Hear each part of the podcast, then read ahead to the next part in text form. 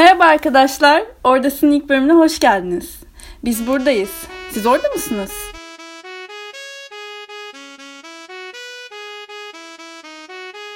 Büyük ihtimalle hepinizin şu an akıllarındaki soru, oradasın nedir? Kısaca şöyle açıklayayım. Yurt dışı başvurularının her geçen yıl daha seçici ve karmaşık bir hale geldiği şu dönemlerde size bu süreçte tam anlamıyla yardım edecek bir danışman bulmanın çok zor olduğunu farkındayız. Bu yüzden biz de size destek olmak amacıyla kendi üniversite hazırlık ve başvuru sürecimizdeki deneyimlerimizi anlattığımız kısa podcastler çekiyor olacağız. Sizin için kısaca kendimizi tanıtalım. Ee, hepimiz üniversite okumak için bu yıl yurt dışı başvurularını tamamlayan Robert College 12. sınıf öğrencileriyiz. Ben e, Elif Gencer, Amerika, İngiltere, Kanada olmak üzere 3 ayrı ülkeye başvurularımı yaptım. E, en çok istediğim e, Vanderbilt, Emory ve Williams gibi üniversitelerden kabullerimi regular roundunda yani bu geçtiğimiz ay içinde aldım. Bu süreçte önceden bilseydim çok iyi olurdu diyeceğim şey kabuller hakkında kesin yargıda bulunmamak gerektiği fikri. E, ben açıkçası beklediğimden çok seçici programları seçildim ve bu süreçte üniversitelerin yalnızca ortalama değil karakterimizle alakalı birçok şey hakkında fikir sahibi olmaya çalışarak karar vermeye çalıştığını öğrendim. E, Can istersen sen devam et şimdi. Tabii. Öncelikle bizim bu podcast yapmamızdaki amaçlardan bir tanesi de ücretsiz yardım yap- vermek. Hani gördüğünüz gibi danışmanların fiyatı aşırı fazla olmaya başladı. Denilen mekan 18 bin dolar falan filan alıyor insanlardan. Bunun dışında genel olarak fiyatlar da çok yüksek. Ee, bundan dolayı herkesin erişebileceği böyle bir şey yapmak istedik. Bunun yanında her sene insanlar üniversiteye başlıyor ve bu süreçte inanılmaz fazla şey yaşıyor. Asıl olan bu süreci bilmek ve danışmanlar bu sürece çok uzak olduğundan dolayı öğrencilerin elinde şu an var olan sıcağı sıcağına var olan bilgileri paylaşmakta istiyoruz. Ki sonrasında yok olup değerleri sıfırlanmasın. Onun dışında ben kendimden bahsetmek gerekirse ben birkaç ülkede okullara başvurdum. Kanada, İngiltere ve Amerika'ya başvurdum. Amerika'da Berkeley'e gideceğim gibi duruyor. Kan, e, İngiltere'de de Imperial'dan kabulüm gelmişti. Bunun yanında e, computer science alanında ben çok çalışma yaptım. Bu alanda da ekstradan işte araştırmadır, stajdır falan filan konusunda ekstradan bilgi vermeye çalışacağım. Bu şekilde benim de süreç içerisinde keşke bilsem dediğim ee, okulları tanıma var. Yani okulları ben çok tanımadım. Birkaç okulda ayrı ayrı çalıştım ama onlar dışında çok fazla bilgi sahibi oldum. Direkt içeriden bilgi alabildiğim mekanlar çok fazla olmadı. Bundan dolayı podcast'te de hani okullara gitmiş, oralardan mezun olmuş kişilerle birebir sohbetler yaparak da sizlere bu bağlamda bilgi vermeye çalışacağız. Selam herkese. Benim adım Arda. Ya çok güzel olacağını düşünüyorum bu podcast'in. Özellikle 12. sınıfta olarak işte Can'ın dediği gibi bizi bilgiler tazeyken bunları aktarabilmek. Yani çünkü her sene değişiyor gerçekten başvuru süreci değişiklikler oluyor. Üniversitelerin bazen prosedürleri değişiyor. Bunları şu an hakimken size sunabileceğimiz için gerçekten çok mutluyum. Bence en çok yardım olabileceğimiz konu ve benim de e, lise boyunca birazcık e, yokluğunu çektiğim şey üst dönemlerle olan iletişimimdi üst dönemden e, insanlarla pek konuşmadığım için bu başvuru sürecinde nelerin gerekli olduğunu pek farkında değildim. Tabii ki 12. sınıfta e, buna bayağı alışıyorsunuz işte essay'ler yazılıyor, başvurular yapılıyor ama bizim odaklanacağımız başka bir konuda önceki senelerde yani işte 9. sınıf, 10. sınıf, 11. sınıfta bu başvuru süreci için neler yapabileceğiniz e, bu konuda faydalı olabileceğimizi düşünüyorum. Ben de bu sene e, Amerika ve İngiltere'de çeşitli okullara başvurdum. E, ve ben de kabulümü ED 2'den aldım. Early Decision 2'de University of Chicago'dan kabulüm geldi. Şubat ayında. Evet Emir sen nereler attın? Sen neler yaptın? Aynen merhaba herkese. Benim adım da Emir. Ee, ben Arda gibi hiçbir okula early, at, early decision atmadım. Ben de girdiğim okula regular round'unda girdim. Bu dönemle ilgili hani bahsedecek olursam ya da ben ne farklı yapardım ya da keşke neyi daha çok bilseydim lise yılımda başvurmadan önce e, diye sorarsanız bence bu süreçte denge çok önemli. Yani bir başvuru çıkartırken ortaya ve bu başvuruyu karşı tarafa gönderirken bunun bir hani dengeli bir biçimde oluşturulması lazım. Denge derken de hem akademik olarak dengeden bahsediyorum. Aynı zamanda yaptığınız aktivitelerin dengesi, yazdığınız eserlerin dengesi. Yani sadece bir tarafı güçlendirmek yerine tüm kolları güçlendirip güçlendirip daha e, çok boyutlu bir başvuru bence yaratmak lazım ki bunu daha çok daha iyi bilseydim bazı alanlara daha güçsüz olduğum alanlara daha iyi e, destek verebilirdim. Ben de Amerika ve İngiltere'ye başvurdum. E, Amerika Ünivers Amerika'daki üniversitelerden Stanford, Columbia, Dartmouth ve Duke'dan kabul aldım. Seneye de Stanford'a gitmeyi düşünüyorum. E, Ülgen sen devam etmek ister misin? E, tabii Ülgen ben de. Şimdi herkes e, neyi bilseydi daha iyi olurdu onlardan bahsetti. Ben şöyle demek istiyorum. Ben önceden bilseydim direkt daha iyi olurdu. E, bence başvuru sürecini önceden takip etmek yani 9. sınıfta 10. sınıfta genel olarak başvurunun sizin için nasıl izleyeceğini, ne, nelerin önemli, nelerin önemsiz olacağını e, anlamak ve bunların farkında olmak çok önemli. Ben değildim ve bunun çok dezavantajını gördüm açıkçası şahsi olarak.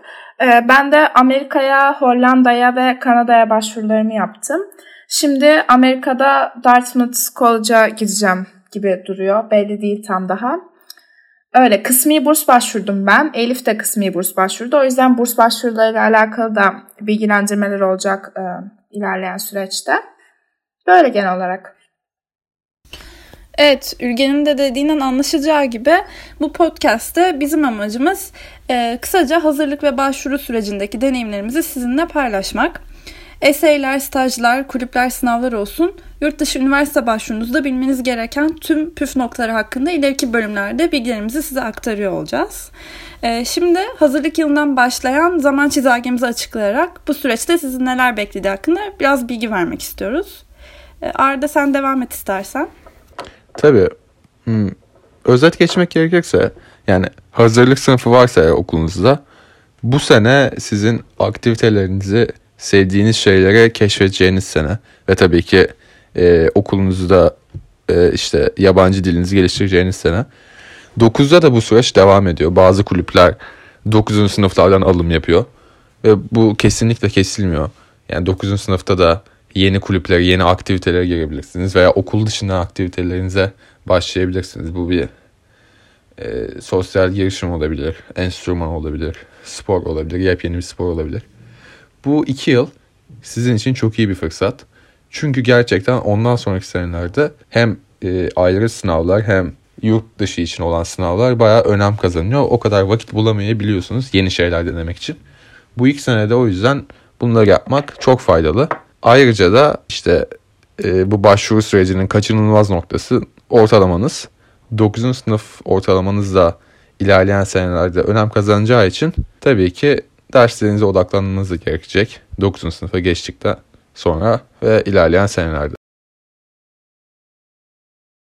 Şimdi 10. sınıfla birlikte özellikle e, okulda derslerini aldığınız konularda eğer varsa okulunuzda dersleri AP ve SAT subject sınavlarına girmeye başlamak gerekiyor. Ee, her okulda her AP konusunun dersi bulunmuyor ama okulunuzun size sunduğu imkanlar çerçevesinde e, olabildiğince bu AP derslerini almaya çalışın. Eğer alamıyorsanız da self study dediğimiz yani kendiniz dışarıdan kaynaklar alarak çalışma e, yöntemini tercih edebilirsiniz hazırlanırken. Ee, bazı okullarda da tabii IB sistemi dediğimiz bir sistem var. Bizim okulda yok o yüzden bununla ilgili detaylı bilgilendirmeleri sonraki bölümde yapacağız. Ama benim bildiğim kadarıyla bu IB sistemi kapsamında aldığınız e, sınavlarda üniversitede ders atlamanıza yardımcı oluyor aynı AP'lerin olduğu gibi. Ee, bu tabi sınavların yanında kulüplerinize devamlılık sağlamak çok önemli. 10. sınıfın sonrasındaki yazda işte yaz stajları, araştırma projeleri, e, yaz programları yani summer camp dediğimiz onlara katılmak e, faydalı oluyor. Bir de bence e, yani 10. sınıfın yazının sonuna doğru 11. sınıfta alacağınız SAT ve ACT sınavlarına hazırlanmaya başlamak da çok faydalı oluyor. Bu sınavların detaylı içeriğinden birazdan bahsedeceğiz zaten. Can sen bahset istiyorsan. Şimdi 11. sınıf bence en azından diğer senelere göre çok daha farklı bir tane. Bunun asıl sebebi de hani 11'de kişinin 18 yaşına yaklaştı. Yaşının büyüdüğü, çevresinin birazcık daha farkında olduğu. Yani hem kişisel olarak hem de duygusal olarak da aslında kendi içinde çok değişiklikler yaşadı ve bunun yanında akademik olarak, olarak da en zor senelerden biri. Hani bu ikisi arasındaki dengeyi sağlarken kişinin çökmesi, tekrardan yükselip kendisine gelebilmesi falan filan derken çok enteresan bir sene haline geliyor 11. sınıf. Ee, akademik bağlamda bakıldığında ve benim de en çok süründüğüm şeylerden bir tanesi aslında 11. sınıfta bu SAT denilen sınavın halledilmesi. SAT işte birçok üniversitenin istediği ortak standart edilmiş sınavlardan bir tanesi. Bu süreçte hani düzenli çalışmanın en önemli şey olduğunu ben gördüm. Yani kendim çok düzgün bir şekilde başaramamış olsam da gördüm. Onun dışında yaz tatilinde ve yaz tatili öncesinde de kişinin hangi alanlara ilgisi, ilgili gör, görmesi ve bunun sonucunda yazın yapacağı işler, stajlar, projeler falan filan derken kendisini birazcık daha keşfettiği bir sene. Hani 12'ye gittikçe yaklaştığından dolayı hani maalesef de belirli bir sonuca birazcık yaklaşması, kişinin belirli bir sonuca birazcık yaklaşması gereken bir sene. Bundan dolayı e, birazcık mesleki atılımlarda yapılıyor 11. sınıfın yaz tatilinde. Bunun yanında 11'de alınan İngilizce seviye tespiti veya da seviye kanıtlama için olan sınavlar var. Bunlar da nam diğer IELTS ve TOEFL Beşiktaş Barbaros Bulvarı'ndan yardırırken her tarafta görebileceğiniz standartize isimler bunlar. Bu sınavlarda işte TOEFL'da 100, 110 üstü falan filan derken o tarz notlar gerekiyor. İngiltere için bunun belirli requirement'ları, Amerika için ise sadece yollanması gerekiyor genel hatlarıyla. O şekilde bir de 11. sınıfta az önce de, de ilk kısımda değindiğim gibi okulları tanımak çok önemli bir mesele haline geliyor. Bu noktada işte gerekse mezunlarla gerekse bir üst dönem arkadaşlarla sohbet ederekten çok fazla şey katılabilir. Biz de bu açıdan elimizde olan bilgileri paylaşmaya çalışacağız.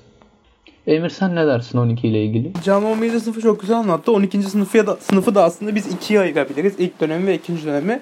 İlk dönemi biraz daha 11. sınıfa benziyor. Aynı yoğunlukta çalışmaya devam edeceksiniz. Yani app hazırlamaya, başvuru hazırlamaya devam edeceksiniz. Ee, Eylül'de yaklaşık yazdan hani Eylül'de falan başvurunuzu hazırlamış olacaksınız. Eserlerinizi yazmış olacaksınız. 1 Kasım'da erken başvuru yani early atacağınız okula e, başvurunuzu göndermiş oluyorsunuz.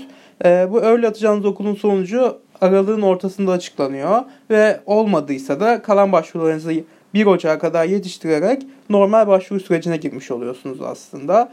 E, peki bu ilk dönemde ne yapmış oluyorsunuz? İşte test skorlarınızı o okula göndermiş oluyorsunuz. IELTS'inizi, SAT'nizi o okula için essay yazmış oluyorsunuz. Ya da bazen de e, bu Can'ın bahsettiği sınavları önceden almadıysanız o 12'nin ilk döneminde alıp da yani Ocağa kadar alıp da yine okullara gönderebilirsiniz.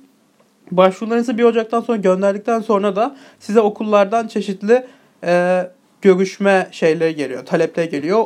Böylece de aslında e, Ocak ve Şubat ayını e, siz o okulların Türkiye'deki mezunlarıyla e, görüşerek, görüşme yaparak geçiriyorsunuz. Ondan sonra Mart'ın sonuna doğru da tüm e, şeyler açıklanıyor. Bütün diğer üniversitelerin sonuçları açıklanıyor. Ve aslında 12'deki başvuru süreci Mart'ın sonunda bitmiş oluyor. Ee, ama tabii ki de ilk dönemde ortalamanızı yüksek tutmanız hala çok önemli. Bu yüzden hala akademik olarak iyi bir performans göstermeniz gerekiyor. Ve aynı zamanda ilk dönemki notlarınız da üniversitelere gidiyor. Peki başvuru nasıl oluyor? 3 tane web site var. Bazı okullar bazılarına izin veriyorlar. Bazıları bazılarına vermiyorlar. Ee, mesela Robert'te Common App diye bir sistem kullanılıyor. Bu Common App üzerinden de Amerika'daki okullara başvurabiliyorsunuz. İngiltere'nin de başka bir e, şeyi var, sistemi var. UCAS denilen. Oradan da aynı şekilde İngiltere'deki okullara başvurabiliyorsunuz. Başvuru süreci Emre'nin de üzerinden geçtiği gibi kısaca bu şekilde. Ee, evden de çıkamadığımız bu dönemlerde şimdiden biz dinleyerek bir hazırlık planı yapmanın size gerçekten çok yardımcı olacağını düşünüyoruz. Giriş niteliğinde olan bu bölüme karşın sıradaki bölümlerde daha sohbet muhabbet havası şeklinde size bilgilerimizi aktarmak istiyoruz. Umarız podcastımız size başvuru sürecinizde gereken desteği sağlar ve ilk bölümümüz hoşunuza gitmiştir. Sonraki bölümlerde görüşmek üzere. Sağ olun. Görüşürüz.